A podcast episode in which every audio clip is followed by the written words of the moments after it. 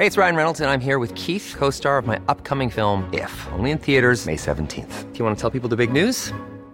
All right, I'll do it. Sign up now and you'll get unlimited for $15 a month in six months of Paramount Plus Essential Plan on us. Mintmobile.com slash switch. Upfront payment of $45 equivalent to $15 per month. Unlimited over 40 gigabytes per month. Face lower speeds. Videos at 480p. Active Mint customers by 531.24 get six months of Paramount Plus Essential Plan. Auto renews after six months. Offer ends May 31st, 2024. Separate Paramount Plus registration required. Terms and conditions apply if rated PG. It's that time of the year. Your vacation is coming up. You can already hear the beach waves, feel the warm breeze, relax, and think about work. You really, really want it all to work out while you're away. Monday.com gives you and the team that peace of mind. When all work is on one platform and everyone's in sync, things just flow wherever you are. Tap the banner to go to Monday.com.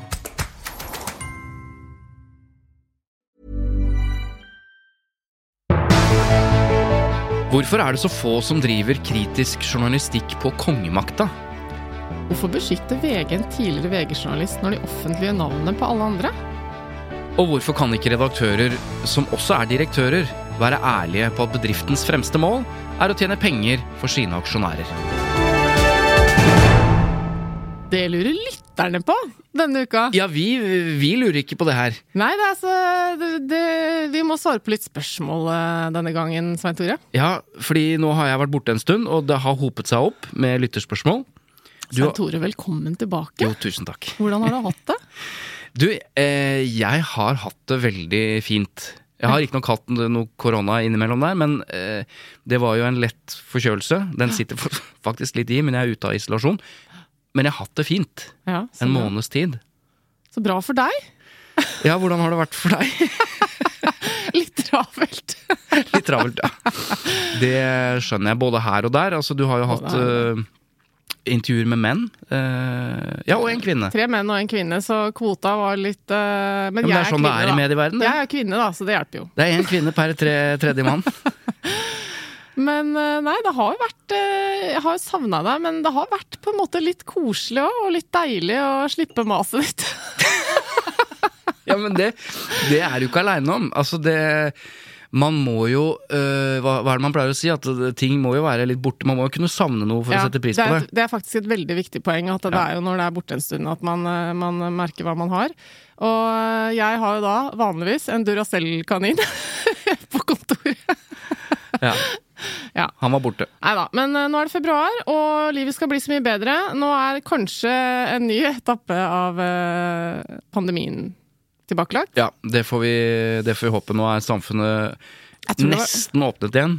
Jeg tror det var det som var så ekstra tungt for folk i januar. At det Mm. var sånn, du vet på Kompani Lauritzen, du vet jo at jeg elsker det programmet. Mm. Så er det jo en sånn der øvelse hvor de har gått og gått og gått, og så kommer de endelig frem. Sekken A, som veier liksom umenneskelig mengde kilo, og så er de endelig ferdige, og så går det noen minutter, og så bare nå skal dere ut og gå igjen. Ja. Og den moralske Det det altså, Du Du bare mister helt uh... Bare apropos det, jeg, jeg er fan av et øh, annet TV-program som heter Kongen befaler. Jeg, jeg ser alt av Kongen befaler. Jeg ler meg i hjel av det. Jeg syns det er en av de tingene på TV som er sånn god gammeldags humor. Bare ler av det. Masse fysisk humor og så greiene. Ja, For de som ikke har sett det, så er det Atle Antonsen som er kongen, og så gir de en øh, gjeng med kjendiser oppgaver de skal løse da, i et hus eller utenfor et hus. Ja. Og det var én øvelse som er litt det samme der. Der skulle de altså De får en oppgave. Der står det eh, Ollie, som er han eh, assistenten, teller til 100, du skal gjemme deg. Eh, tilbake i barndommen, det er gjemsel. 1, 2, 3, 4 til 100. Og så gjemmer de seg på ulike steder, bare én og én, riktignok. Men de forventer jo da at noen leiter etter dem. Ja. Men, men det skjer ikke. Så de bare gjemmer seg. Og så er hele poenget å se hvor lenge holder de ut når ingen leter etter dem. Vet du hva, det der har jeg opplevd en gang selv. Og ikke ble lett etter. Når jeg var liten, så fikk jeg endelig lov på slutten. Eh, eh, når jeg var sammen med søsteren min og en venninne som jeg så veldig opp til. De drev med noe sånn dukketeatergreier. Og så fikk jeg endelig lov til å prøve meg på slutten. Så holdt jeg på med det verste showet. Og syntes liksom det var litt stille i andre enden. Holdt på kjempelenge. Og så når jeg stakk hodet opp av den der boksen, Så var det godt. så var det ikke der. Så kom jeg ned på kjøkkenet, så hadde jeg begynt å bake og kose seg. Det er mitt vondeste Men, men resultatet var at uh, du fikk jo se tydelig forskjellen på folk, da. Eh, Steinar Sagen han titta opp og liksom spaserte ut etter to og et halvt minutt. Ja. Da syntes han det var nok. Det hadde du gjort òg. Mens, mens Solveig Kloppen hadde gjemt seg i en komposthaug og lå der i 1 time og 36 minutter. Og det var veldig sånn på plass i forhold til Og en annen eh, var i kjelleren i to timer og blei kjempeforbanna da han kom opp og bare Ja, ja ok. Nok om, eh, Nok om, nok det. om det. Ja. Vi må ha vår runde rundt bordet. Har vi ikke hatt det nå? Jo, på et vis, men noe som er litt mer relevant, tenkte jeg. Altså, Jeg må i hvert fall si at jeg, eh, jeg har irritert meg den siste uka. Å? Litt sånn Eva-style. Ja, nettopp. Altså, det har irritert meg. Eh, Dette er som sagt også noe som du egentlig irriterer deg over. Eh, Jeg vet i hvert fall at du ikke liker det. Jeg klikker på en sak mm. som er interessant, eh, som gjerne da kan være delt av, av noen venner i sosiale medier. I går en artikkel i Aftenposten, eh, og så står det ja, du må, denne artikkelen må du være abonnent for å lese. Ja, det er jeg. Mm. Hva skjer når jeg trykker? Jeg må fylle ut masse dritt. Jeg må fylle inn e-post og passord igjen. Altså, Og nå skjer det hele tiden. Også merker jeg på andre publikasjoner som jeg er betalende bruker i.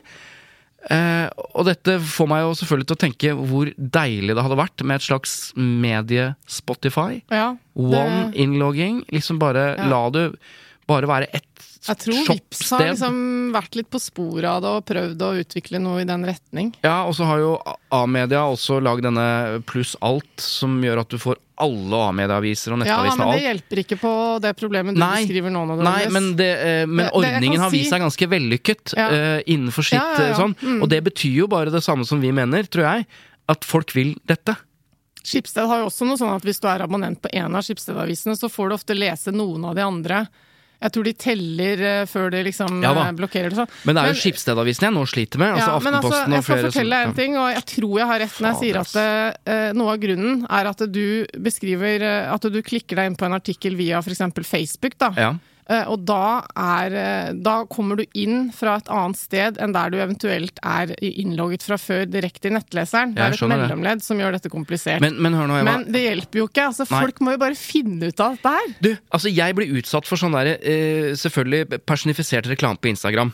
Men noen sånne utrolig eh, smarte ting. Jeg kjøpte meg en slags sånn oppvaskgreie som jeg så på Instagram fra Kina. Er Beklager. Beklager både CO2-avtrykk og alt mulig. Det tok meg liksom to tastetrykk, så var det posta. Skjønner du? Så når du skal selge oss ting, når andre Ja, skal selge oss ting. Så alt, jeg har fylt ut alt, altså kontoinformasjon, alt. Tok to tastetrykk. Jeg rakk ikke engang å angre på det oppvaskgreiene jeg hadde kjøpt. Så lå det på en måte på vei fra Kina. Så noen fikser jo dette her Ja, helt noen utmerket. dette her. Jeg, det jeg har lyst til å si nå, er bare velkommen etter, Svein Tore. Dette har jeg jo prøvd å sitte i denne podkasten i halvannet, eh, to år og klage over, og du har liksom bare ledd litt av meg og syns at jeg problematiserer dette unødvendig. Ja, det beklager. Men, eh, men dette syns jeg var litt deilig, for at eh, vanligvis så oppfatter jo jeg deg litt sånn kjappere i huet enn meg. Jeg er jo litt sånn person som trenger litt tid til å tenke meg om før jeg mener noe om ting. Men når det kommer til å irritere meg over ting, Der er der er jeg kjapp. Ja ja, men, eh, men eh, Nei, men altså, dette Jeg har rukket å i hvert fall irritere meg et par Hallo? ganger denne Hallo? uka. Hallo, ja? Er dere ferdig med runden rundt dette bordet? Dette berømte bordet? Ja, Christian Marsrander. Ja! Nå er vi Hei, ferdig. Christian Lider, Marstrander. Ja, Vår kjære produsent. Lyder Produksjoner. Ja, helt riktig. Det er meg. Hva gjør du her? Ja, ikke sant? Nei, eh, altså dette er jo egentlig Det er ikke dere som skal fjase og tulle. Dette er jo lytternes eh, episode. Ja, ikke sant? Eh, Ja, det er det. Så, eh, så jeg tenkte jeg skulle bare ta med meg lytternes spørsmål. De har jeg nå under armen, godt plassert. Mm. Og så, så nå leser jeg dem opp. Pleier ikke du å lydlegge dette med sånn papir? Burde ikke du hatt en bunke med papirer nå, egentlig? Jo, som skulle illustrere liksom det der? Jo, men jeg har jo ikke åpnet de opp ennå. Så Nei, nå skal jeg gjøre det. Ja. Nå åpner jeg de. Ja. Der kom de! ja. Ja, Uh, siden du liksom er sjefen her, Ja. produsenten, Mm. bjuder du på litt kaffe, eller? ja selvfølgelig. Ja. Det er det i den sølvkanna her. Direkte fra kjøkkenet. Å ja, du Har, har ikke kopp heller. tenkt å drikke Ja, rett fra kanna. Åh, Og nå er gleder det- jeg meg. Jeg håper vi har noe bra svar, da. Det er sånn ekkelt Ja, når vi vi må ikke nesten uh... du, du kjenner at du roer deg ned når det er spørsmål fra lytteren. Da trenger du kaffe for, for å, liksom få de, for å bli sylskarp. Eller For nå jeg gjelder det. roer meg generelt ned når du sitter rundt bordet her. Ja ja, da er vi spente. Men skal vi rett og slett bare starte, da? Det gjør vi. Første lytterspørsmål. Sterk mening om kongehusets propagandamaskin. Da har du lagd overskrifter til spørsmålene. Ja, det har jeg. For jeg tenker med en gang journalistikk. Jeg tenker for å fange lytteren. Jeg tenker det. Tenker du da at det skal være litt sånn clickbait-aktig overskrift? Ja. Ja. Og så har jeg egentlig gjort om en del av spørsmålet hele tiden for at det Ja. skal bli enda mer Nei da. Ok, Det kan du faktisk ikke gjøre, men det Nei. du kan gjøre, du kan kutte noe i spørsmål. Du kan redigere bort uh, ting i spørsmålet for å sitte igjen med liksom Det er innafor sånn rent redaksjonelt, på samme måte som man kan redigere et svar. Altså Man kan jo ikke nødvendigvis ta med alle deler av et svar heller, så Det er riktig. Og er det hvis dette skulle publiseres skriftlig, så kunne du da lagd et parentes med sånn tre prikker imellom for å indikere at her har det vært noe som vi har tatt bort. Ja, det, vil si, det, det gjør man i, i bøker og publikasjoner og litterært sånn, men man trenger ikke de avisa. parentesene og Ok, prikker i jeg tror jeg bare leser spørsmålet som det var, jeg. Hei. Jeg har en ting jeg håper dere kan ta opp i podkasten. Kongehusets propagandamaskin, som jeg kaller det, går rett inn i alle mediehus. Er ikke dette problematisk? Det er jo ikke rart at det norske folk støtter kongehuset, når pressen dekker kongehuset fullstendig ukritisk. I tillegg så har de unntak fra offentlighetsloven. Og dette er offentlige penger. Dagbladet prøver seg med litt kritisk journalistikk til tider. Men jeg syns pressen gjør en dårlig jobb på dette området. Dette Ja. er veldig spennende, for dette har jeg tenkt på selv også. Ja. Eh, Så nå er jeg nysgjerrig på hva dere lurer. Er pressen for eh, ukritiske til eh, kongehuset? Eva? Ehm, jeg tror eh, det kunne jo absolutt vært mer eh, maktkritisk eh, journalistikk. Det, det, er nok noen som prøver seg litt, men det jeg syns det er for mye av, er sånn generell kritikk om sånn ubetydelige ting. Sånn, sånn kjendisaktig journalistikk som liksom skal være kritisk. Men jeg er jo enig i at det, eh, det hadde har vært interessant på det? å lese litt mer om hva koster institusjonen monarkiet. Eh, Og det skrives det en del om. Men det jeg syns mangler, er eh, at vi forstår litt mer av hva det tallet innebærer. Jeg synes liksom, Det er så vanskelig å forholde seg til når man får et sånt tall på så og så mange millioner. Eh, og, så, og så er det vanskelig for oss å reflektere over hva det i detalj skal gå til. For det er ikke sikkert at det er så mye penger som det virker som. Jeg syns på en måte at eh, den typen journalistikk har en tendens til å være litt overfladisk. Ja, jeg, jeg vil i hvert fall dele det på samme måte i to. Altså det er, jeg syns det er nok skal vi si kritisk journalistikk mot kongehuset i den forstand at man griper fatt i eh, uttalelser som kong, eller medlemmer av kongefamilien eller assosierte medlemmer av kongefamilien, enten det er Durek som står i sentrum eller hva det måtte være. Der kjører man jo på.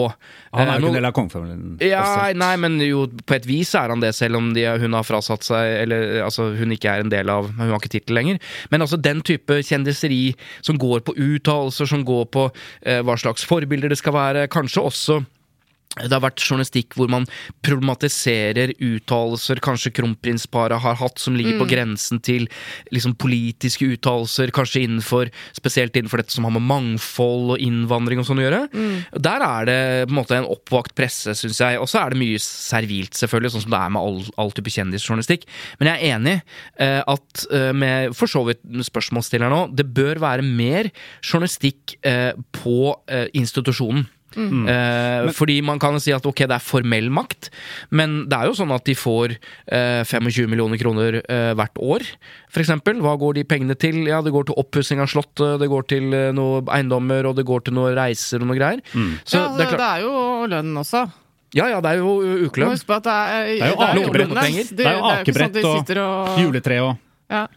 Ja, så Det heter jo apan apanasje, ikke sant? Ja. Og, og sånn som kronprinsparet får ca. 13 millioner kroner i, eh, i år, eh, som, er, som er deres lønn, da. Eh, eh, nei, kongeparet får 13 millioner, og kronprinsparet får litt mindre, sånn 11 millioner kroner. Eh, og så øker det Det øker økt fra i, fra i fjor til i år, men på en million eller sånn. Det er bra årsinntekt, da. Ja, men tenk Ja, på hva slags er eiendommer de har, da. Uh, Hvis vi hadde visst litt mer Bare de koster jo 10 millioner da. Ja, men Ja. det er jo en del ting ikke sant, Ja. som uh, Det er så lett å tenke at det bare er en lønn som kommer Ja på toppen av alt Ja da, annet, men det skal jo dekke veldig mye. For kronprinsparet så skal faktisk Naivt, Christian. Naivt, Christian. For kronprinsparet så skal faktisk deler av apanasjen også uh, de, dekke noen av de offisielle reisene eller oppdragene de har også. Er, så det skiller eh, apanasjen på kronprinsparet og kongefamilien. Dette vet jo ikke folk. Eh, sånn at eh, det er jo journalistikk, både beskrivende, oppklarende og kritisk journalistikk, syns jeg er Men det nevnes jo at Dagbladet eh, Ja. De er jo en republikansk eh, har en republikansk ståsted, så de har jo alltid plaga Ja, kongehuset. For det, det, det er det jeg egentlig reagerer på med den Jeg syns det noen ganger blir litt komisk at Dagbladet alltid skal på en måte prøve å grave og grave og grave. Altså Jeg syns det virker litt sånn eh, påtatt. Ja. Ja, men de er jo En de eneste ting- som gjør det, da. Akkurat på dette virker det nesten Ja, Kanskje Kanskje det er det som gjør at det virker påtatt, da. Eh, En ting som jeg eh, reagerte litt på, var eh, da Ingrid Alexandra ble 18 år nå nylig, Ja. så kom det jo en del kritikk fra enkelte om at liksom, hallo, eh, skjerp, skjerp dere, pressen. Ikke bare tegne glansbilde av tronarvingen osv. Og da tenker jeg at det, det er jo fint uh, å bedrive litt mer kritisk journalistikk mot monarkiet, men det er jo ikke sånn at det må skje på 18-årsdagen. Eller på personer. Nei, så hvorfor ikke gjøre det? Men du trenger ikke gjøre det den dagen. Altså, jeg skjønner ikke hvorfor folk liksom Det er jo ganske naturlig å lage Men- et eh, flott portrett av henne når hun blir myndig. Ja, ja. Det, det er jo det samme som når, kritikk når Eva Nei, Eva, hører? Erna Solberg fyller eh, 50, eller, eller har hun Eller er det 60? Da ble det usikker. Hvor gammel er hun? Uff da.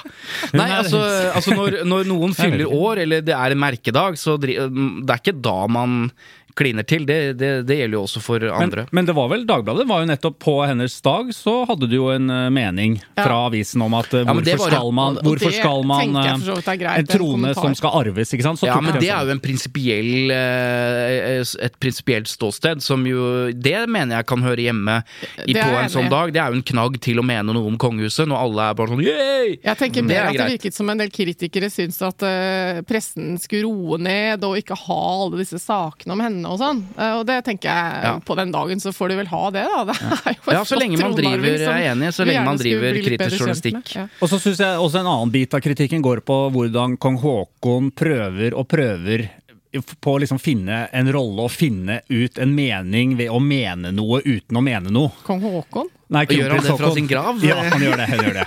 Ja, Har ikke dere fått med dere at han er med oss videre?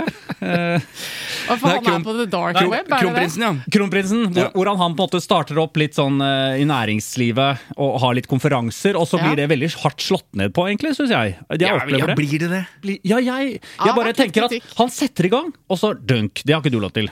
Setter Ja. i gang, dunk. Det har ikke du lov til. Nei, men vi beveger oss selvfølgelig i et, i et moderne, liberalt demokrati som Norge er, med en formell statsmakt som kongehuset er, så er det er vanskelig. Det er vanskelig for han, for hvis han Jeg syns han balanserer det ganske bra, men jeg syns det er helt greit at, at man diskuterer hans rolle og hva han eh, fordi han er et Fordi vi har en sånn kongefamilie som det vi har, en utrolig bra, eh, sunn og god og eh, Ja, det er din mening, da. Ja, ja, men mm. der er vi Der har jeg jo tallene mine med ja. meg, da. Ja. De aller fleste er superhappy Ja, med kongefamilien. med. Men det gjør også at man må være kritisk, fordi det betyr at de er kjempestore forbilder. Se for eksempel på da kongen holdt denne fantastiske talen om mangfold, da, som jo har en ekstrem effekt på befolkningen. Positiv, vil mange si. Det betyr at de har, selv om de bare har formell makt, så har de innflytelse på våre meninger og på og samfunnet. Og da må man være også kritisk til hva de mener, og hva de mener noe om. Fordi de har den makta. Og det er den type journalistikk, i tillegg til den økonomiske og liksom eh, institusjonelle eh, makta, så bør man eh, ja, Ja. bør man fortsette med det, da. Ja. Men eh, egentlig burde jo pressen sjøl svare på dette her. Altså, Lytteren mener at de er for dårlige. Det er ikke sikkert de er enig i det. Nei, men de har, de, de har svart. Jeg har, har jeg har fått svar fra Dagbladet. Oh, ja. Frode Hansen, nyhetsredaktør, ja. han skriver til Tut og mediekjør, eksklusivt. På Telefax. På Telefax, rett inn ved siden av kaffetrakteren her. De siste årene er det noen medier som også har hatt et kritisk blikk på kongehuset, ikke minst Dagbladet, med den prisbelønte serien Kongemakta. Her hadde vi et kritisk søkelys på Slottets pengebruk, og vi avslørte bl.a. hvordan midler brukes til å drifte private eiendommer. Men det burde vært flere. Kongehuset må også tåle et kritisk søkelys på f.eks. hvordan offentlige midler brukes.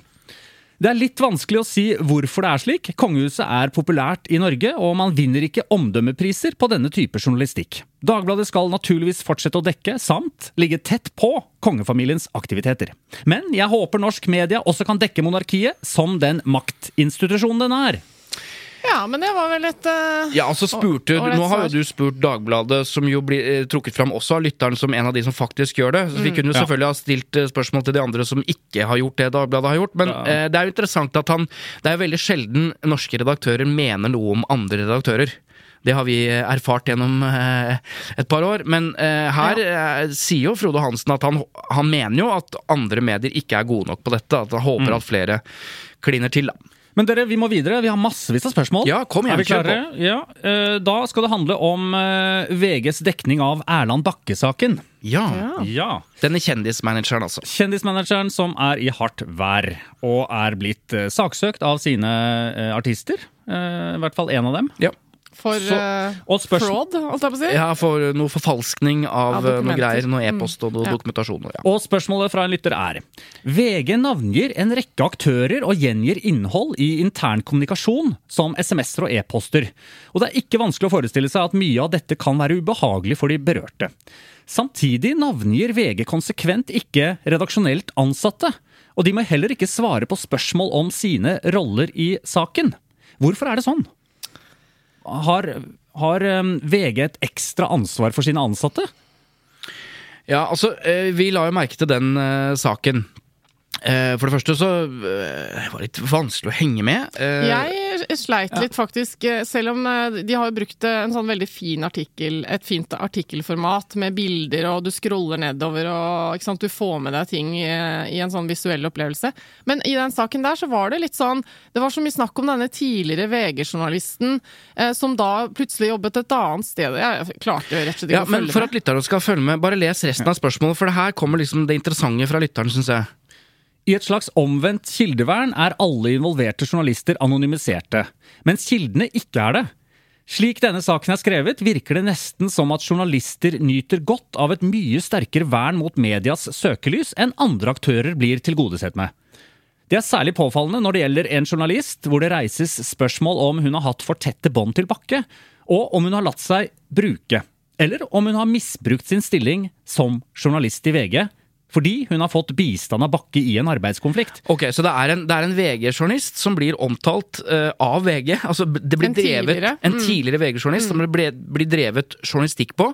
Um, og, det, eh, og, det, og store deler av artikkelen kretser jo rundt denne VG-journalisten, som da er anonym. Så spørsmålet da blir jo eh, fra lytteren hvorfor behandler ikke VG journalisten på samme måte som alle andre aktører? Ville det ikke vært naturlig å stilt journalisten kritiske spørsmål og gitt anledning til å svare og imøtegå påstander, slik man gjør med de andre aktørene?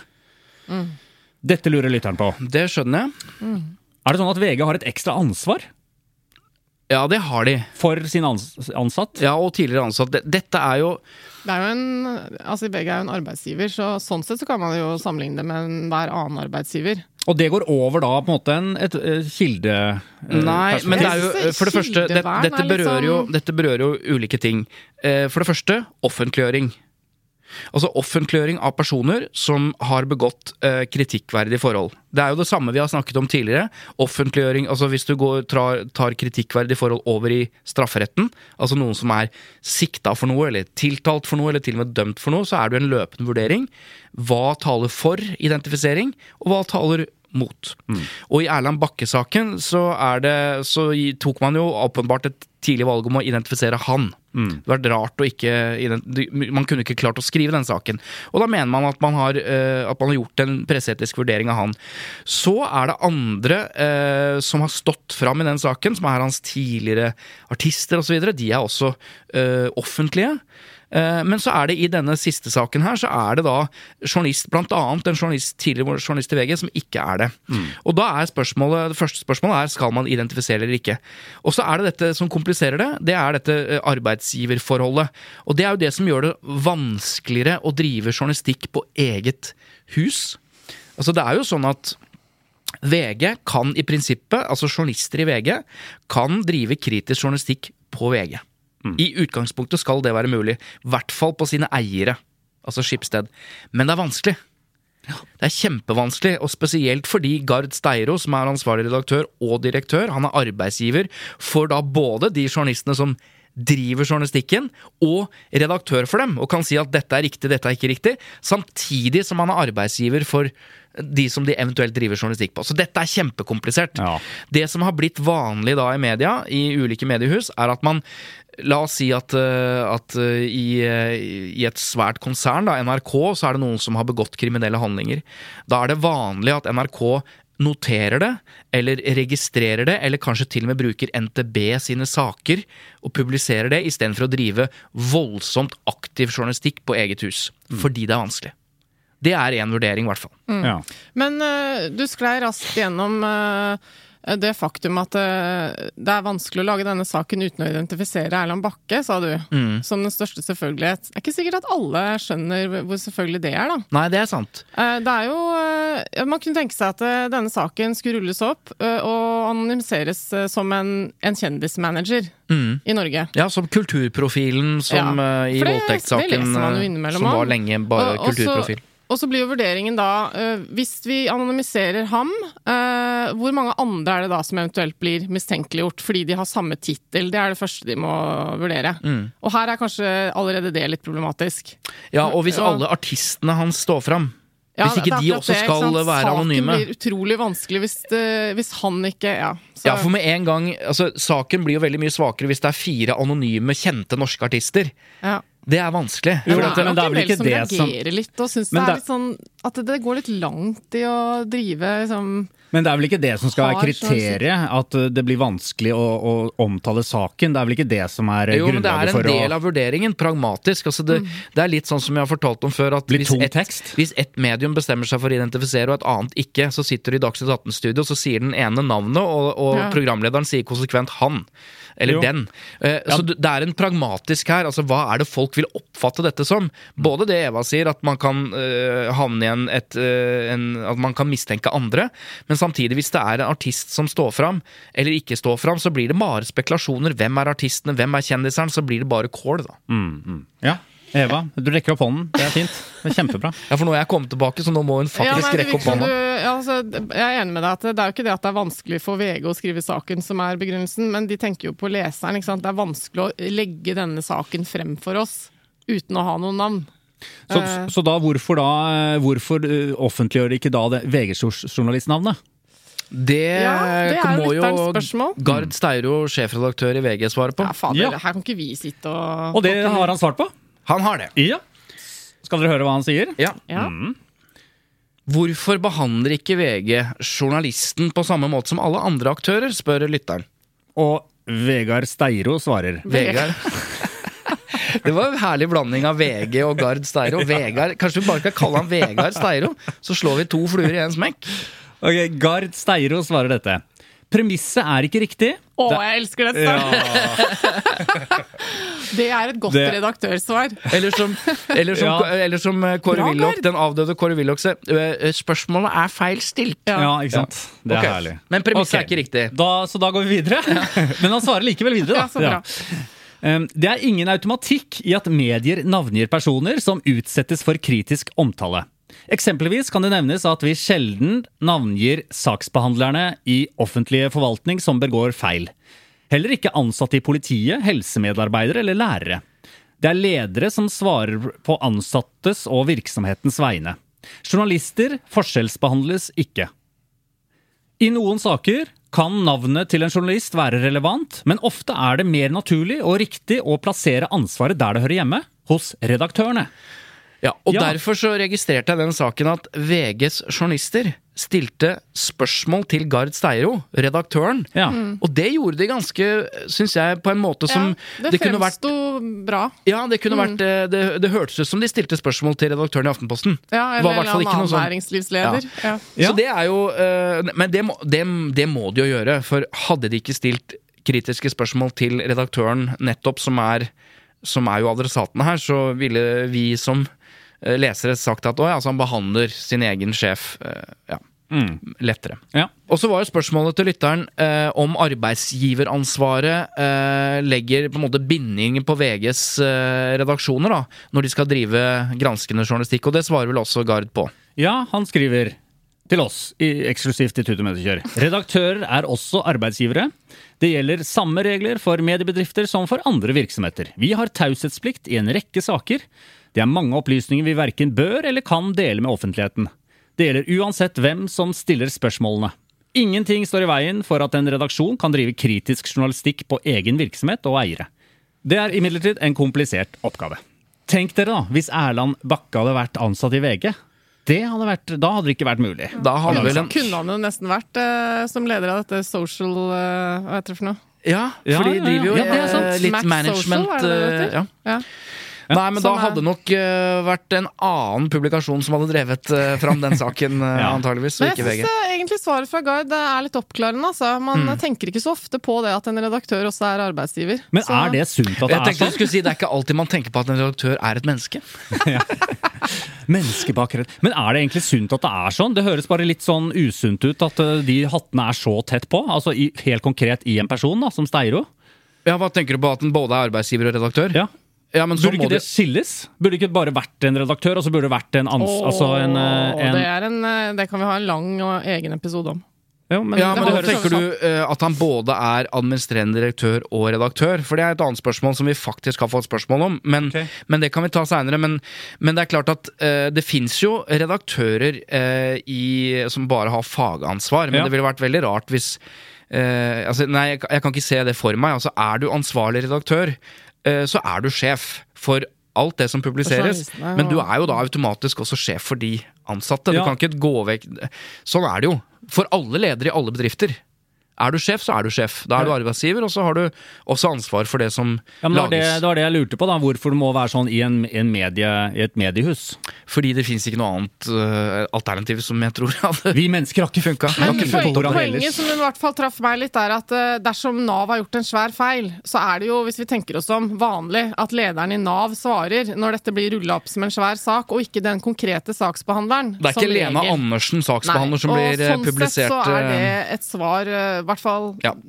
ja, godt nok for meg, da, eh, i mange tilfeller. Neste spørsmål. Neste spørsmål. Og det er jo et spørsmål i kjølvannet av eh, VGs sak om Erland Bakke. Hei, og takk for et godt program. Jeg har ak Ja, Ja, kjempebra. takk, takk. Et godt program. Et stødig, godt program. Nei, det står det ikke. Nei, nå la jeg til stødig. For ordet godt, da kom jeg opp på stødig hos meg. Jeg har akkurat lest artikkelen 'Kjendismanageren og mediene fra VG' om Erland Bakke sin påståtte forsøk på å påvirke mediene. Har kommunikasjonsrådgiverne noen ganger vært involvert i den type ting? Altså Det er jo dere han siktet til da, dere er jo kommunikasjonsrådgivere. Hvilke erfaringer har dere med 'killing of stories'? Hadde vært interessant å høre om. God søndag! Ja. Eh, Hva, først og fremst 'killing of stories', hva er det for noe? Nei, det handler jo om at uh, en, uh, et um, medium uh, jobber med en sak som er kritisk da, til noen, og så oppdager de at det jobbes med denne saken, de som er utsatt for kritikken, og så gjøres det forsøk på å drepe saken. Altså på et eller annet vis gjøre sånn at de stopper. At de, de ikke fortsetter å lage saken, ikke publisere saken. Ja, okay. Drepe Mm. en story. Ja. Og det hun eh, refererer til, er jo at hans, han har jo da i type e-poster som VG har offentliggjort, gitt uttrykk for at han har klart å drepe en sak i VG, Ja, eller sant. drepe en sak i TV 2, eller hvor det var. Sånn at eh, han skryter på seg at 'dette skal jeg drepe', Ja. eller 'dette har jeg klart'. Men kan dere få da den oppgaven som kommunikasjonsrådgivere? Vær så snill, denne saken må ikke på trykk. Ja. Hva gjør jeg? Altså, her føler ikke jeg at jeg er den rette til å spørre, egentlig. Nei, nå skyver hun dette over på meg igjen, ikke- det er helt Jeg driver ikke med den type Killing of stories? Jeg, jeg føler på en måte at uh, du er litt mer sånn uh, dealer uh, innenfor Ja, du tar noen telefoner i hjørnet her noen ganger, og da snakker du med folk, og da føler jeg da er det mye på gang. Ja, da jobber jeg, da. Jo, men altså, når jeg Ja, det ikke er det, Okay. Det som er greia, er at jeg i min jobb som kommunikasjonsrådgiver eh, nærmest ikke kan huske at jeg har vært på telefonen med en journalist, verken for å selge inn en sak eller drepe en sak. For det er jo veldig mye annet vi driver med enn akkurat det Ja, vi snakker om nå. Men det er to Ja. måter å drepe en sak på. Eh, Det er å drepe en sak som aldri burde vært en sak. Og da handler det dreping av saken ikke om å prøve å liksom bruke makta si, eller sånn som det illustreres her, da. For det her er et eller annet slags sånn maktspill, at hvis du skriver det, så skjer dette, eller vil ikke stille opp der, eller altså den type ting, hvor man rett og slett medier blir utsatt for en type trussel som de må forholde seg til. Eh, når jeg har drept en sak, så handler det om at jeg har sørget for at, at eh, journalisten har fått informasjon som man åpenbart ikke hadde, eller har. Og Som når han får den informasjonen, så tenker jeg Ja. ah, det visste jeg ikke, ja, men da er jo ikke dette en sak. Så det er jo en måte å nøytralisere en sak på som aldri egentlig eh, skal være en sak. Og det er helt å, Det handler om gjøres- mer informasjon, Ja, rett og slett. Det, det gjøres i, helt, i full åpenhet. Eh, men, men jeg har aldri, eh, selvsagt, ringt til en journalist eller redaktør og si hvis du trykker den saken på vegne av, eller om min kunde, så skal du få med meg å gjøre.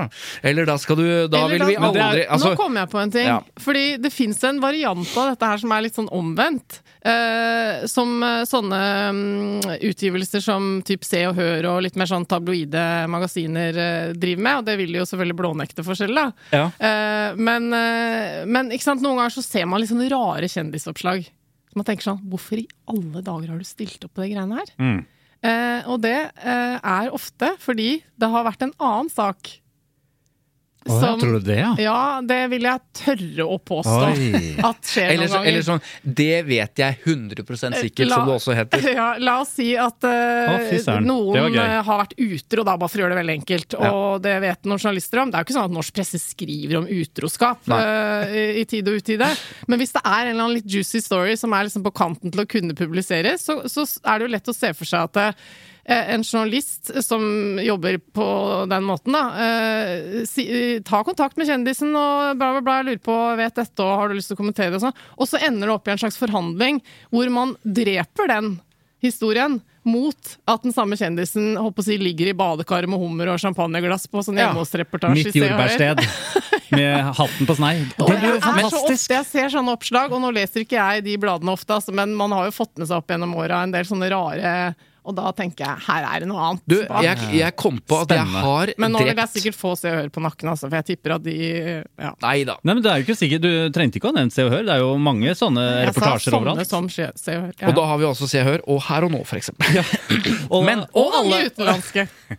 Jeg kom på at jeg har eh, brukt ordentlig krefter på å drepe en sak. Ja, hvilken da? Ehm, ja, det trenger jeg ikke å si, men jeg kan si at jeg har gjort det eh, på egne vegne. Altså, det var, eh, det var en sak som handlet om eh, meg og noen andre eh, i et arbeidsforhold.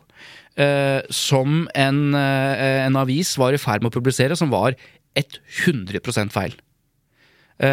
Og da fikk jeg bare spørsmål om ja, men vi har gode kilder på det her. Og så sa jeg ja, men det er feil. Det er 100% feil. Ja, men eh, ja, jeg hører du sier det, men vi har kilder på det. Så det kommer vi til å skrive. Og da ble jeg altså så Og da kjente jeg hvordan er det å være en, en om, omtalt person som mister fullstendig på en måte all makt. Du mister ikke sant? Du, du bare er prisgitt eh, etikken eller moralen til journalisten, og de er i ferd med å publisere noe som er feil. Hva gjør du da? Nei, eh, det jeg gjorde var at jeg, jeg, jeg sa at eh, da må jeg vise deg dokumentasjon som jeg egentlig ikke hadde tenkt å vise deg, men jeg ser ikke noen annen utvei. Så her er dokumentasjon på at det er 100 feil. Eh, og det var problematisk på veldig mange måter, men det var jo det som skulle til for at journalisten tenkte å ja, ok, så det var feil. Eh, og det var veldig ubehagelig, men det er en måte å drepe en sak på, igjen med fakta eller med informasjon, da. Jeg kom på at jeg også har jobba i mange frem, år altså, eh, ved å drepe en sak om meg sjøl. vet dere hva strategien var? Nei? Ingen kommentar. Ja. I mange år. I ca. fem år, da, eller? Ja, noe sånt. Ja. Og strategien funka ikke sånn kjempebra. Det var lang kamp, da. Lang, For det spilte, lang kommunikasjonsplan. noe, det spilte faktisk ingen rolle hva du sa eller ingen kommentar, for det, det, vi leste om det alle sammen allikevel. Ja. Ja, ja. Ok, Men nei, det, Noen ganger er det Så må man bare prøve alt man kan for å i hvert fall tilføre nok informasjon til at saken eh, ikke nødvendigvis blir drept, men blir riktig, da. Men, eh, altså, men så denne lytteren prøver også å heve det og stille et litt større spørsmål rundt det. da. Er, det, er dette utbredt? Altså Det som Erland Bakke gjør, gjorde her da i denne saken, altså å prøve å drepe saker. Dessverre, det er eh, Altså, det foregår i hvert fall en del dialog eh, med det som mål, ja. Det tror Ja, jeg. og det er klart at uh, dette skjer spesielt i journalistikk uh, hvor man er avhengig av kilden. I kjendisjournalistikk, i sportsjournalistikk f.eks. eksempel Og jeg har jo fortalt, eh, hvis jeg nå forteller historien, så forteller jeg den for tredje gang, så det gidder jeg ikke. Men da Thomas Alsgaard i 1999 eh, ikke ville svare på et spørsmål, så kom det en sånn pressesjef og sa hvis du publiserer den, så vil han aldri snakke med deg igjen. Og det er klart at da blir du utsatt for en type press som du må forholde deg til. Og det kan jo skje i andre sammenhenger òg, at en artist sier at hvis jeg boikotter dere Dere får aldri gjøre et intervju med meg igjen hvis dere skriver dette. Og da skal jo journalisten eh, rent sånn prinsipielt og ifølge alt sånn gi faen i det og, og trykke det. Men det er klart det er en pragmatisk eh, greie. Betyr det at vi aldri får tilgang til den? Eh, så kanskje vi Ja, ikke sant. Så det her, dette foregår. Det gjør det jo. Dere, vi må videre. Vi har flere spørsmål. Jeg hører du sier det. Ja, Så da kommer det. Takk for en flott og spennende podkast, som også jeg, som er utenfor media, hører på med glede. Ja, det er litt av poenget, det. Ja, kjempebra. Tusen takk. Det er bra. I de største avisene har også redaktørene, slik jeg forstår det, ansvar for den økonomiske driften av mediebedriften. Mitt spørsmål er hvorfor alle redaktørene kommer unna med formuleringer som 'dette er en viktig sak som det er viktig å belyse', osv. Når en hører på redaktører uttaler seg, får en jo inntrykk av at aviser, i motsetning til alle andre bedrifter, ikke bryr seg om økonomisk vinning. Spørsmål kommer da Hvorfor kan ikke redaktører være ærlige på samme måte som ledere i andre bedrifter? Bedriftens fremste mål er å tjene penger for sine aksjonærer. Hæ? Hilsen Svein Ove. Svein Ove, ja. Ja.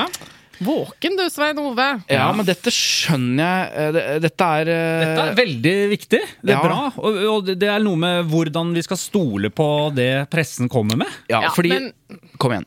Nei, altså jeg bare tenker sånn Jeg er ikke helt enig i at det, altså, alle ledere må lire av seg mye greier. Det, det er jo bare å lese avisa. Hvor mange ledere er det som står og uh, er ærlige? Altså, jeg bare tenker sånn, Hvis du går gjennom internett og ser på alle virksomheters uh, bedriftssider, eh, liksom, så har alle en eller annen mission. Det er jo veldig sjelden at det står sånn Hva er det vi prøver å få til her? Tjene penger. oss søkker ikke. Ja. Det er ingen som er ærlig på det. vil du bli med oss?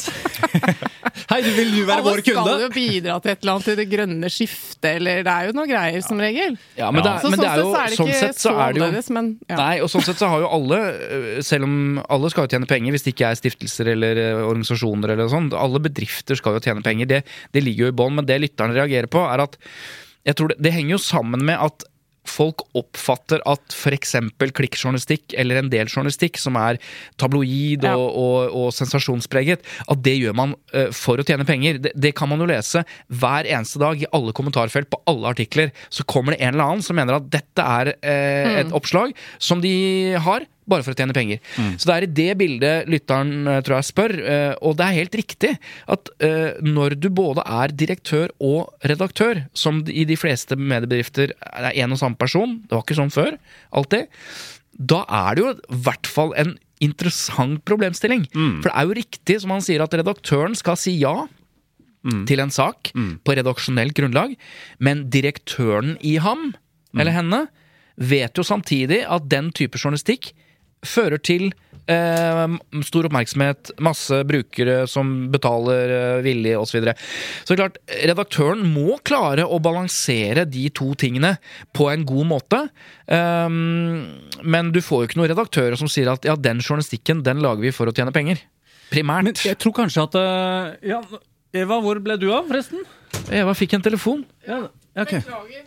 Eh, nei, vi skal ikke gå inn på jeg, måtte, jeg ringte fra ukjent nummer, og så trodde jeg det var sånn parker, Jeg har eh, parkert litt sånn eh, shady. Så var det fra Så lagt en lapp i ruta. Ok. Tilbake til saken. Ja. Nei, men du, vet du hva? Jeg tror uh, Det er to ting som kanskje gjør at dette her blir litt mer komplisert enn det kanskje trenger. Altså at det blir liksom diffus. Og det første jeg tenkte på, var um, For når Wikipedia kom, så oppfattet jo jeg i hvert fall det som et sted som jeg fikk den, en sannhet, men det kostet ikke noe. Altså, at Der var det bare et sånt bi, Man bidro selv, da, hvis man ønsket å ha den journalistikken, som man kan kalle det også. Og, der, og derfor så vil man jo ja, Det vil jo stå på én side i forhold til et mediehus, da. Altså, Det er jo det virkeligheten er som når jeg sitter og googler Ja. ting. Ja, jeg, jeg, og jeg skjønner det, men uh, dette er jo litt Altså, jeg har jobbet stort sett i kommersielle medievirksomheter. Kommersielle, altså ikke NRK. Og så glemmer man litt at VG og Aftenposten og alle andre aviser, alle medier i Norge, bortsett fra NRK, er kommersielle mediebedrifter. Men det har vært lettere å kalle TV Norge og TV3 og P4 og, og TV 2 for kommersielle mediebedrifter, fordi de er, de er De er Jeg vet ikke hvorfor, men sånn er det blitt. De er kommersielle, de driver med reklame.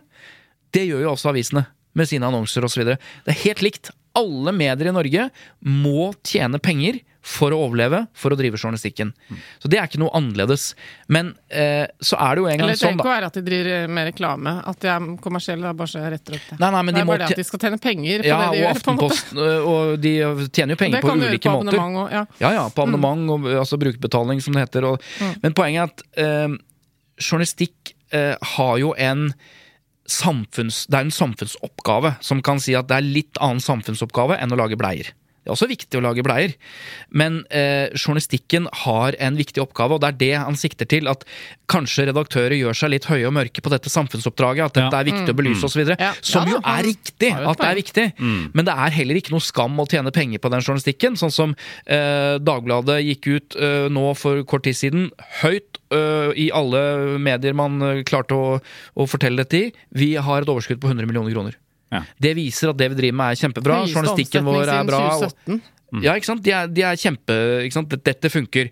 Nå gjør de jo også det tydelig fordi det har vært en del kritikk mot Dagbladet eh, i ulike fora. Så I podkaster og ja, men også det, det pågår en Det skriver jo redaktøren også, at det pågår helt igjen diskusjon om Dagbladet. Det er bra. Men poenget mitt er, se her, vi tjener masse penger. Ja. Så de er, de er jo Og da er det jo av lett for folk å liksom Ja, nettopp. Ja, ja Ja, nettopp. Ja. nettopp. Da, da kan du ta den der journalistikken din og bare dra et sted. Ja, så, men, eh, men vi har jo Dette er jo interessant å høre hva redaktørene selv eh, tenker om, da. Altså når de får, eh, får den type spørsmål fra lytterne. Ja, og skulle ikke forundre meg om Kristian har noe i ermet her. Ja, jeg har snakket med Reidun Kjelling Nybø i Redaktørforeningen.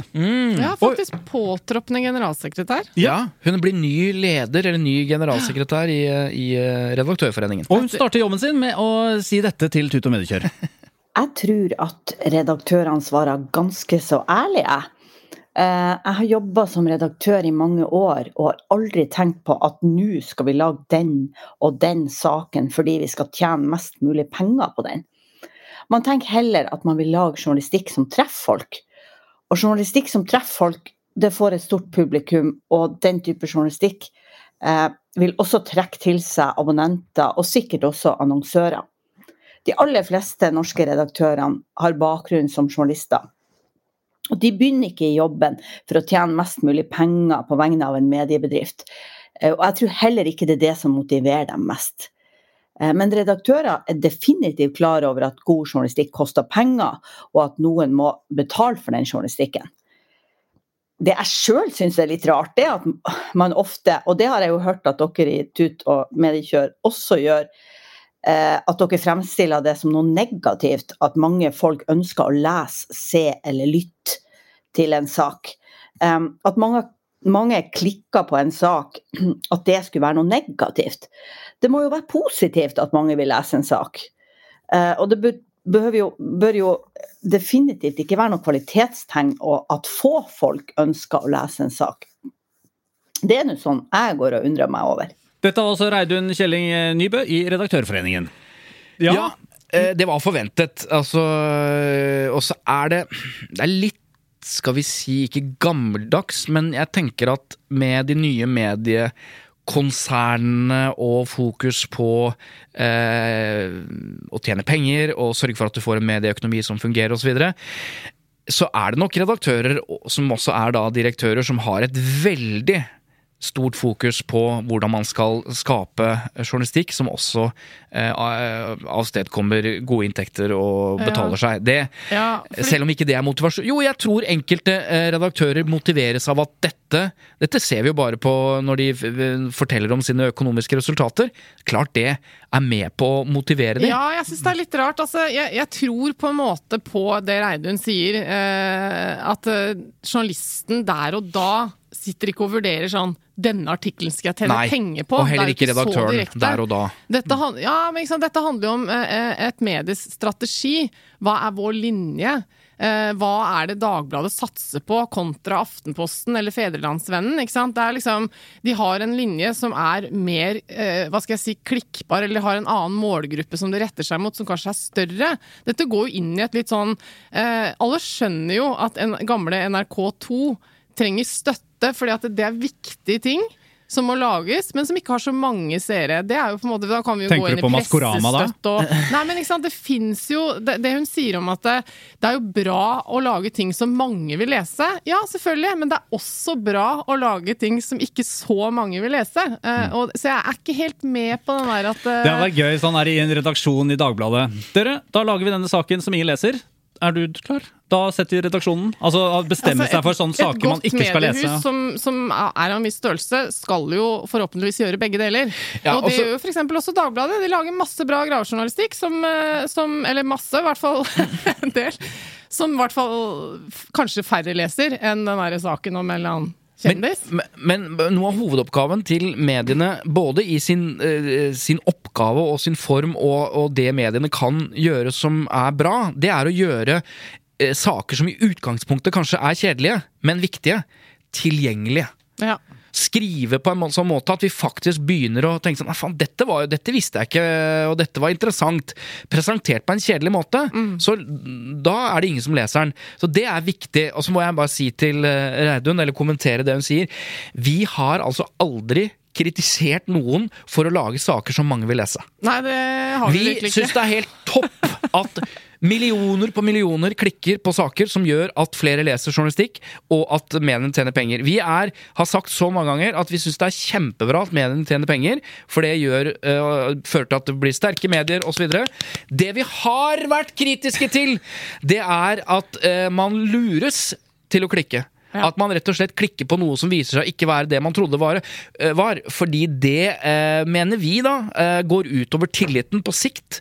Fordi man ikke gidder etter hvert å trykke. Så at folk Eller- trykker, topp stemning. Eller eventuelt at de lager eh, journalistikk som mange vil klikke på, men som går utover noen mennesker ufortjent. Det er Det en også. annen ting, Ja, jeg. At de Men, fokuserer på ting som ikke hører hjemme i, i nettavisa. Du, Det hører også hjemme å, å ta med Fordi eh, Kjelling Nybø sa også noe annet. Oh, ja. Hun, hun, hun, eh, hun la på en, en liten bit på slutten. Så nå skal oh, ja. vi høre den her. Den er til dere. Ok. Eh, og så må jeg til slutt si at eh, det er supert at dere lager en podkast eh, som tar opp mediekritikk. Eh, det er viktig at folk får vite mye mer om det som skjer i norske redaksjoner, og hvordan eh, journalister og redaktører tenker. Eh, så fortsett med det. Det er mottatt. Åh, så Tusen takk. Tusen Ja, det skal vi takk, gjøre. Reidun. Det var Vi- koselig. Men uh, for å ta arbeidsoppgaven vår alvorlig, så ha, må vi jo ha et lytterspørsmål til. Vi Ja. rekker vel det? Ja da, Ja. absolutt. Og det er jo selvfølgelig eh, saken hvor Anders Behring Breivik begjærte seg løslatt etter å ha sonet nå minimumsstraffen eh, for sin totalstraff. Ja, mye lyttere som har bedt oss om å mene om det. Ja, så jeg, jeg har plukket ut ett spørsmål fra Stig Rune eh, av, av disse, og det går som følger. Jeg reagerer på at alle går ut i medier, radio, TV-aviser og gjør det 100% sikkert at Anders Behring Breivik ikke prøveløslates denne gangen. Er ikke det litt feil innstilling i forkant? Vil si forhåndsdømt av mediene? Dette underbygger bare hatet mot Anders Behring Breivik. Det kan jo hende at han en gang kommer ut, og da har mediene vært med å pushe hatet i år 2022. Hva sier da mediene i år 2022, når han da faktisk kommer ut? Når de ser da tilbake på mediehåndteringen i 2022, altså nå? Ja, det er interessant. Er pressen med på å, å skape hatet?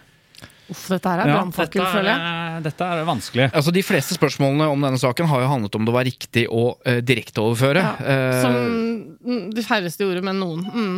Ja. Og det, men dette spørsmålet handler rett og slett om uh, at alle sa at han kommer ikke ut. Mm.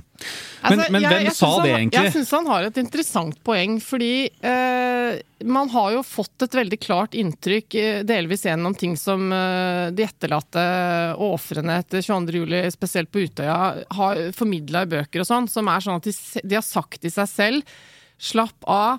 Eh, han kommer aldri ut. Jeg leste, jeg tror det var i Tonje Brenna sin bok også, at hun hadde en gul lapp eh, liksom, på kontoret sitt hvor det sto Eh, liksom Pust rolig, han kommer aldri ut, eller noe sånt noe.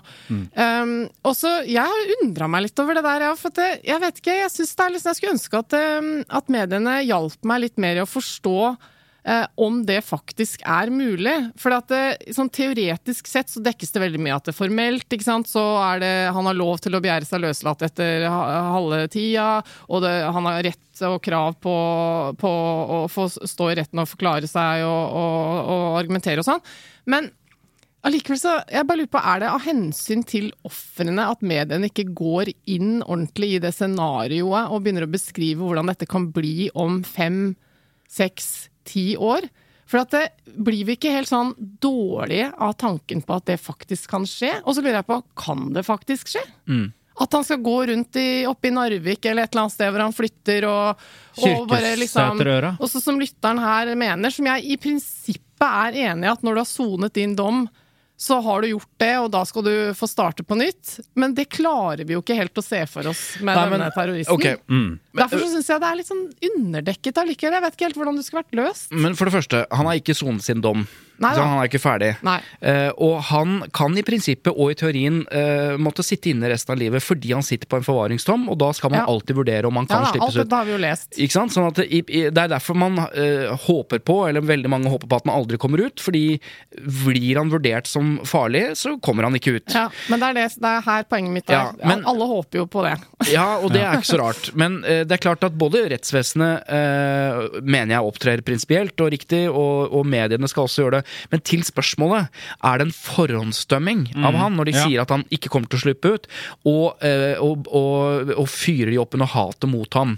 Eh, da mener jeg nei, det gjør de ikke. Og jeg har sett på de samme tingene som Stig Rune har sett, og det jeg oppfatter er Det er jo en, en type kommentarjournalistikk som vurderer er, er det sannsynlig at han slipper ut.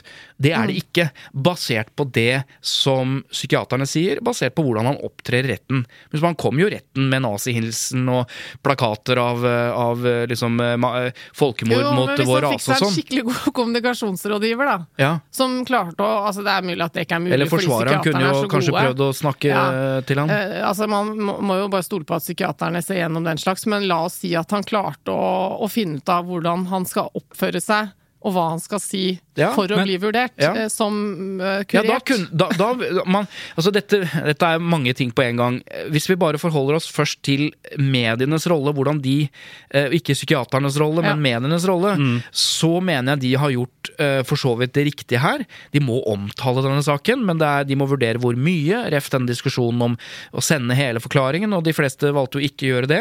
Så har det oppstått en diskusjon i etterkant at fordi Dagbladet faktisk sendte veldig stor del av det, så var det veldig s- mange psykiatere og psykologer rundt omkring i hele landet som så han for første gang over lengre tid, og stilte en slags sånn fjerndiagnose han og si vet du hva, dette har jeg ikke sett før, mannen er psykotisk.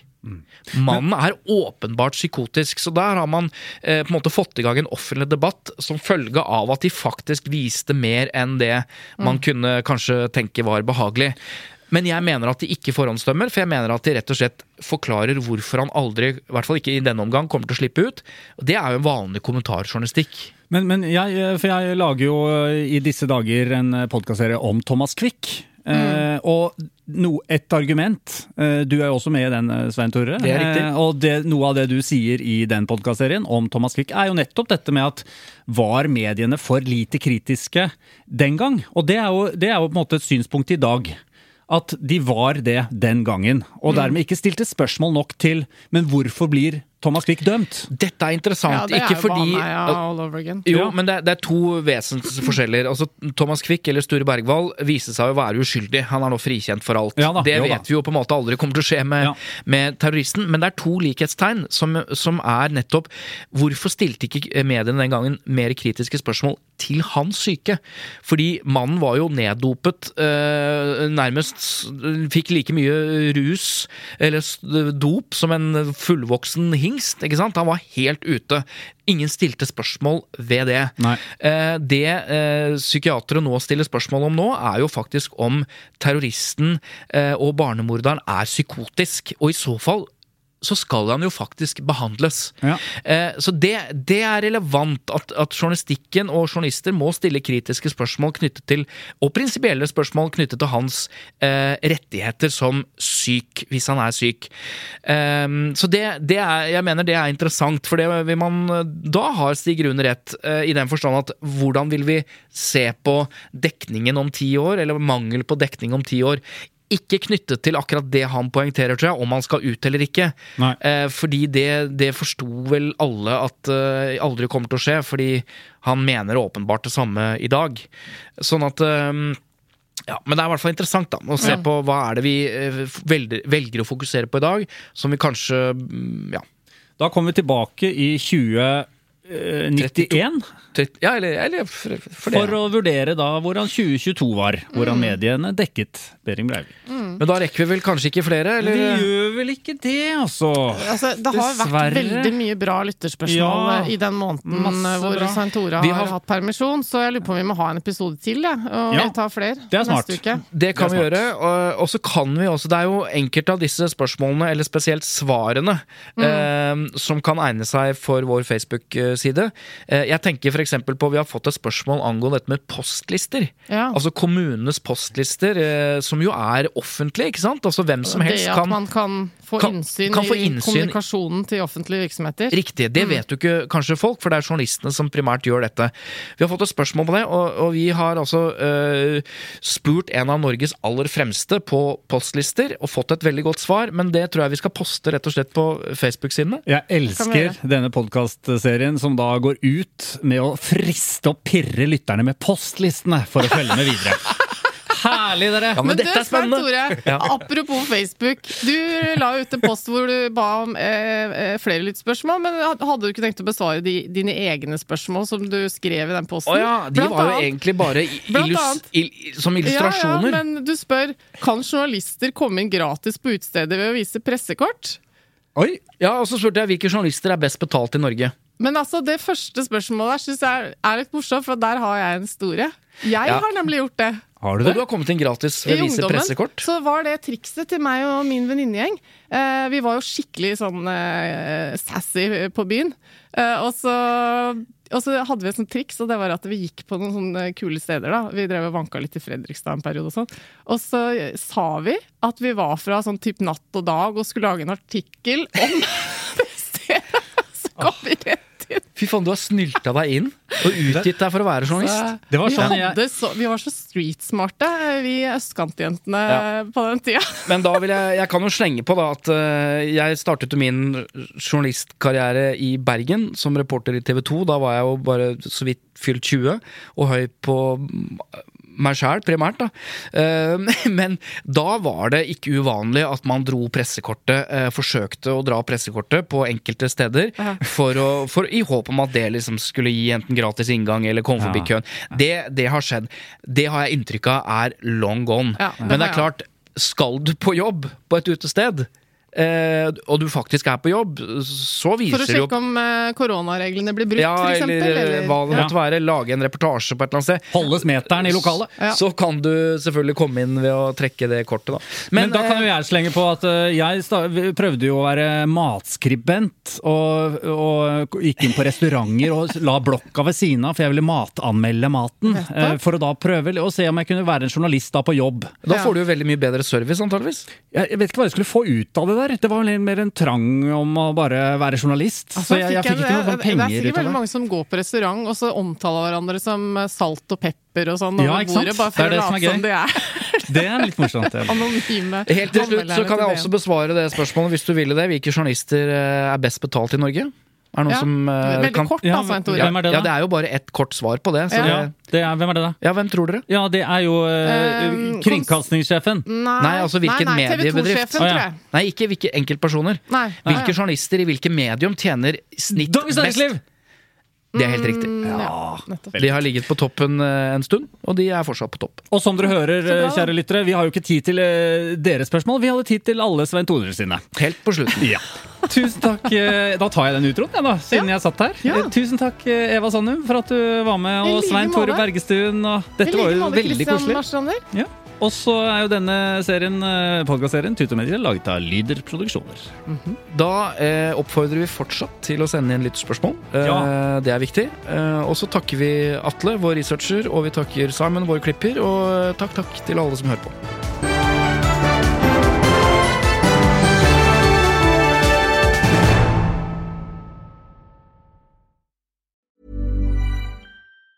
Even on a budget, quality is non-negotiable. That's why Quince is the place to score high-end essentials at 50 to 80% less than similar brands. Get your hands on buttery soft cashmere sweaters from just 60 bucks, Italian leather jackets, and so much more.